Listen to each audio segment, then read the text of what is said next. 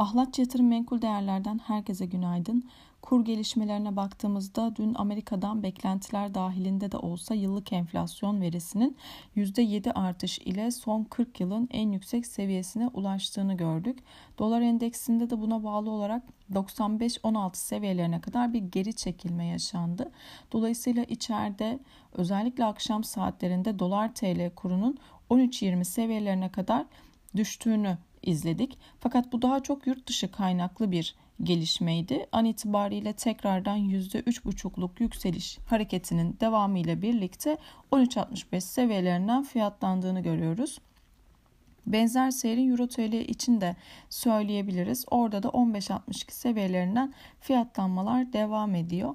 Euro dolar paritesi de yine benzer şekilde dolar endeksindeki düşüşle beraber 1.14 seviyelerinin üzerine yükseldi.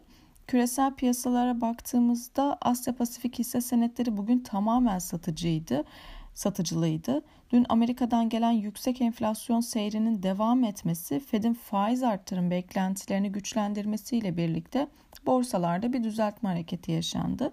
ABD tarafında ise beklentiler dahilinde gelen enflasyon verisi sonrasında sınırlı da olsa yükseliş hareketleri görüldü. Fakat bugün e, ABD vadelilerinin hafif düşüş sergilediğini söyleyebiliriz.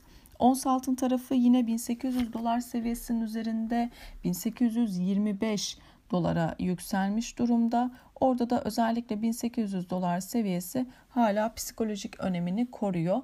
Bugün Verilere baktığımızda e, yurt içinde perakende satışlar, yurt dışında ise ABD üfe rakamları ve işsizlik haklarından yararlanma başvuruları takip edilecek. Herkese bol kazançlı güzel bir gün dilerim.